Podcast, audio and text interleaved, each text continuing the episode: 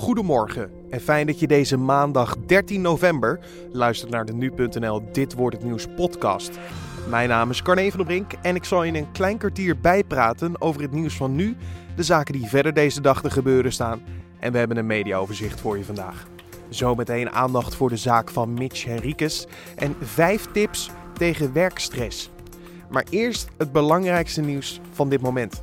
Door een aardbeving zijn zondag in het grensgebied van Irak en Iran zeker 141 doden gevallen. Ook zijn 300 mensen gewond geraakt. Een medewerker van de plaatselijke afdeling van de Iraanse Rode Halve Maan zei dat veel mensen hun huizen niet meer binnen durven te gaan omdat ze bang zijn voor naschokken.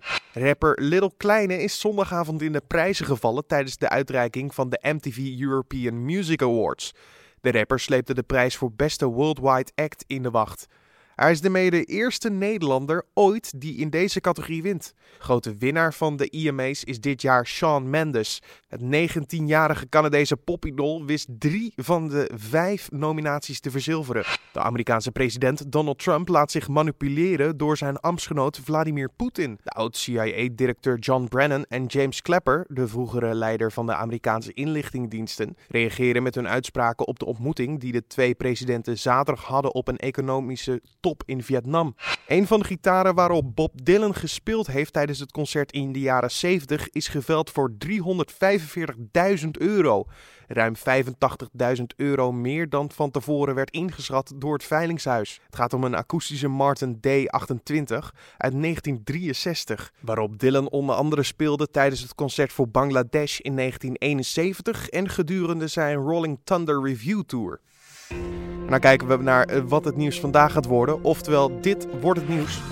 Vandaag begint de rechtszaak tegen de twee agenten die betrokken waren bij de aanhouding van Mitch Henriques in 2015. De 42-jarige Arubaan kwam hierbij te overlijden. Omdat dit een gevoelige zaak is voor de nabestaanden en politie Nederland, vroegen wij aan nu.nl-redacteur Joris Peters waar de agenten precies van worden verdacht. Uh, nou, Mitch Henriques die, die werd inderdaad aangehouden op een uh, muziekfestival in Den Haag. Hij verzet, zij, hij zich tegen deze aanhouding. Uh, en de politie heeft daarbij zo'n mate van geweld toegepast dat het OM uh, dat vervolgbaar acht. De politie mag natuurlijk geweld gebruiken. maar in dit geval is het oordeel van het voorlopige oordeel van het OM dat de agent te veel geweld hebben toegepast. De zaak zou eigenlijk eerder van start gaan, maar werd uitgesteld. Waarom was dat? Ja, dat klopt. Dat komt omdat er een, uh, in eerste instantie uh, uit onderzoek van het NFI is gebleken dat Mitch Henriques is omgekomen door verstikking. Uh, dat zou komen door de nekklem die is toegepast door de politie. Daarbij is hij ook op zijn neus geslagen en is er pepperspray in zijn gezicht gespoten. Dat zou er ook aan hebben bijgedragen. Alleen nu is er dit jaar een ander rapport verschenen van een andere forensische arts. En daar staat in dat mogelijk hartfalen uh, tot het overlijden van Mitch Henriques heeft geleid. Nou, omdat de doodsoorzaak van Henriques zo belangrijk is in dit proces, uh, heeft de rechter besloten om de inhoudelijke behandeling uit te stellen. nou, tot, tot vandaag. Ja, je zei het al inderdaad, de doodsoorzaak is dus heel belangrijk. Maar de zaak aan zich is al heel belangrijk. waardoor komt dat eigenlijk? Ja, de, deze zaak ligt gewoon heel gevoelig. Je zag ook uh, vlak na het overlijden van Henriques uh, dat, er, dat er rellen uitbraken in Den Haag, in de Schilderswijk. Er waren geluiden van uh, stop het politiegeweld. Nou, als er iemand er komt te overlijden en helemaal als de politie daarbij betrokken is, dan ligt dat nog extra gevoelig. Voor de nabestaanden is het natuurlijk verschrikkelijk. Um, maar aan de andere kant heb je ook uh, de politiemacht, die in uh, agenten zeggen zelf ook: we moeten in een split second uh, bedenken wanneer grijpen wij in. Dat we niet achteraf te, te horen krijgen van waarom heb je niet eerder ingegrepen. Dus dit soort zaken liggen gewoon heel gevoelig. Want je hebt natuurlijk agenten aan de ene kant staan die geweld mogen gebruiken. Maar dat wordt op dit moment wel betwist welke mate dat is. Want hoe komt het dat die zo lang duurt dan, die zaak? Of deze lengte is eigenlijk? Mm. Ja, dat is het. Het is niet helemaal te zeggen. Ik denk dat de rechter gewoon tot een zo goed mogelijk oordeel wil komen. En dat daarvoor zoveel zittingsdagen nodig zijn. En dat heeft zeker te maken met de gevoeligheid van deze zaak. Dus daar zijn gewoon veel zittingsdagen voor uitgetrokken. Maar het is zeker uitzonderlijk. Ja, en een, een achtergrondstuk, dus een rechtbank kijkt los van deze zaak. Dus heel erg naar wat is de ernst van de zaak en hoe betrokken zijn de mensen. En ook denk ik de samenleving in nou, verband met de lengte dan? Nou, een rechter moet natuurlijk een, een, een waardeoordeel vormen. En eigenlijk is hij de neutrale partij in deze. Dus hij zal de emoties zeker hebben meegekregen. Maar dat moet hij loslaten. Uh, maar ik denk wel dat hij, dat hij ervoor heeft gekozen om zoveel zittingsdagen uit te trekken, zodat hij goed... Uh, kijk, je moet wel rekening houden dat een politieagent uh, voor de rechter, dat komt dan niet zo vaak voor, omdat zij geweld mogen gebruiken. Maar wel tot een bepaalde grens. Nou, en die grens gaat denk ik in deze zaak bepaald worden. Je hoorde nu.nl-redacteur Joris Peters. Vandaag begint het Sinterklaasjournaal weer. Met aankomende zaterdag de aankomst van Sinterklaas en zijn pieten in het Friese Dokkum is het natuurlijk wel handig om te weten of alles goed verloopt. De laatste updates vanaf de boot of in Nederland krijg je weer te horen van Diebertje Blok. En het Sinterklaasjournaal is elke dag te zien om 6 uur bij NPO ZEP op 3. In Parijs worden de aanslagen van 2015 herdacht. Het is vandaag namelijk precies twee jaar geleden dat er op verschillende locaties in de Franse hoofdstad, onder meer in het Stade de France en in de concertzaal Bataclan, 130 mensen om het leven kwamen.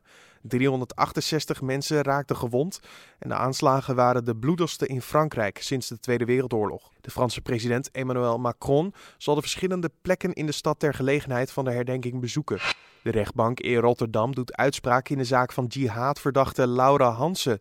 Het Openbaar Ministerie eiste eerder 35 maanden cel, waarvan 11 maanden onvoorwaardelijk. Dat betekent dat als de rechter de strafeis volgt, de vrouw niet de cel in hoeft.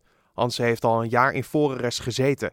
En het OM beschuldigt haar van deelname aan de terroristische organisatie Islamitische Staat. En van het voorbereiden van terroristische misdrijven samen met haar man Ibrahim. Eerder werd Hansen ook verdacht van het plannen van een aanslag. Maar het OM had daar niet voldoende aanwijzingen voor. Afgezanten van de Verenigde Staten zullen in het Servische Belgrado de bereidheid van Rusland testen om een VN-vredesmacht naar het oosten van Oekraïne te sturen. Zo'n 20.000 manschappen zouden daar een poging moeten gaan doen om het vastgelopen Minsk-vredesproces nieuw leven in te blazen. En dan kijken we naar het mediaoverzicht van vandaag. De politie deelt steeds meer boetes uit via mobiele controles. Tussen mei en september kregen bijna 550.000 bestuurders een boete na een mobiele controle. En dat waren er in dezelfde periode in 2016 nog maar 370.000.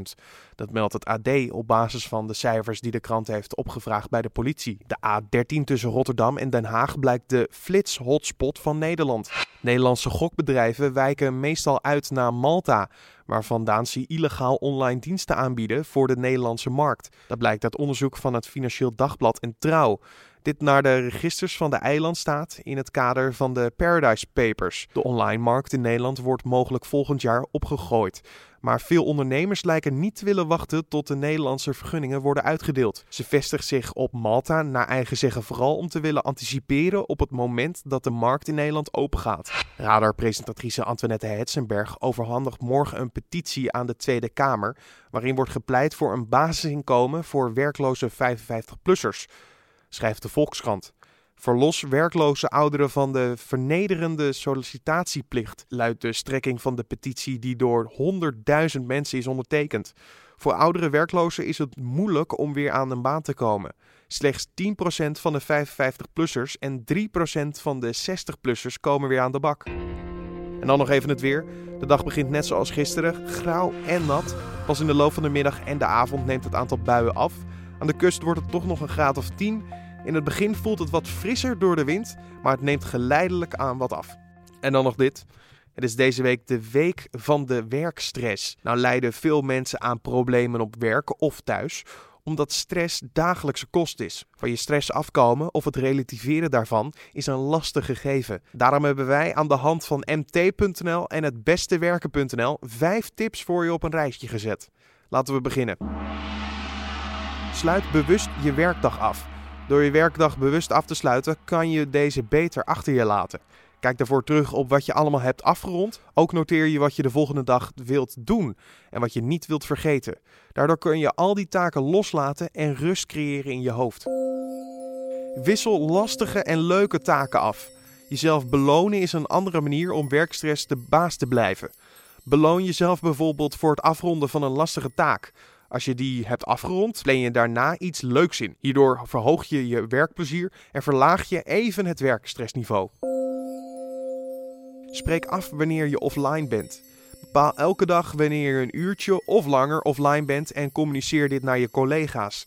Daardoor creëer je meer tijd om met belangrijkere zaken bezig te houden. Je hebt dan geen stress omdat je niet aan de goede dingen toekomt. ook werkt offline, gaan goed tegen een overdaad aan digitale prikkels. Schakel je collega's in. Gebruik je collega's als klankbord en zoek samen naar oplossingen. Misschien dat je bepaalde werkzaamheden helemaal niet hoeft te doen of minder prioriteit blijken te hebben. En zeg vaker nee. Het klinkt wat makkelijker, maar soms schuilt de oplossing in één enkel woord: nee. Als je weet dat dit moeilijk voor je is, vraag dan even of je erover mag nadenken.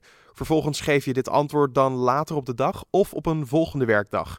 Dit geeft dan meer ruimte in je planning en leidt tot minder stressvolle situaties. Of, als laatste kleine tip van mijn kant, je kan altijd luisteren naar beroepsfilosofen Passie en Adriaan. Hou je rustig, rustig, rustig. Hou je rustig, kalm, stil. Dit was dan de Dit wordt het nieuws podcast voor deze maandag 13 november. Dit wordt het nieuws podcast is elke maandag tot en met vrijdag te vinden op nu.nl om 6 uur ochtends. Laat ook even een recensie achter op iTunes. Daardoor help je ons weer beter te vinden voor anderen. Gewoon een eh, cijfer van 1 tot en met 5 geven. En daarbij ook te schrijven wat jij bijzonder vindt aan deze podcast. Of wat je gewoon verbeterd zou willen zien. Wij zijn er altijd blij mee namelijk. Wens je een mooie dag en tot morgen.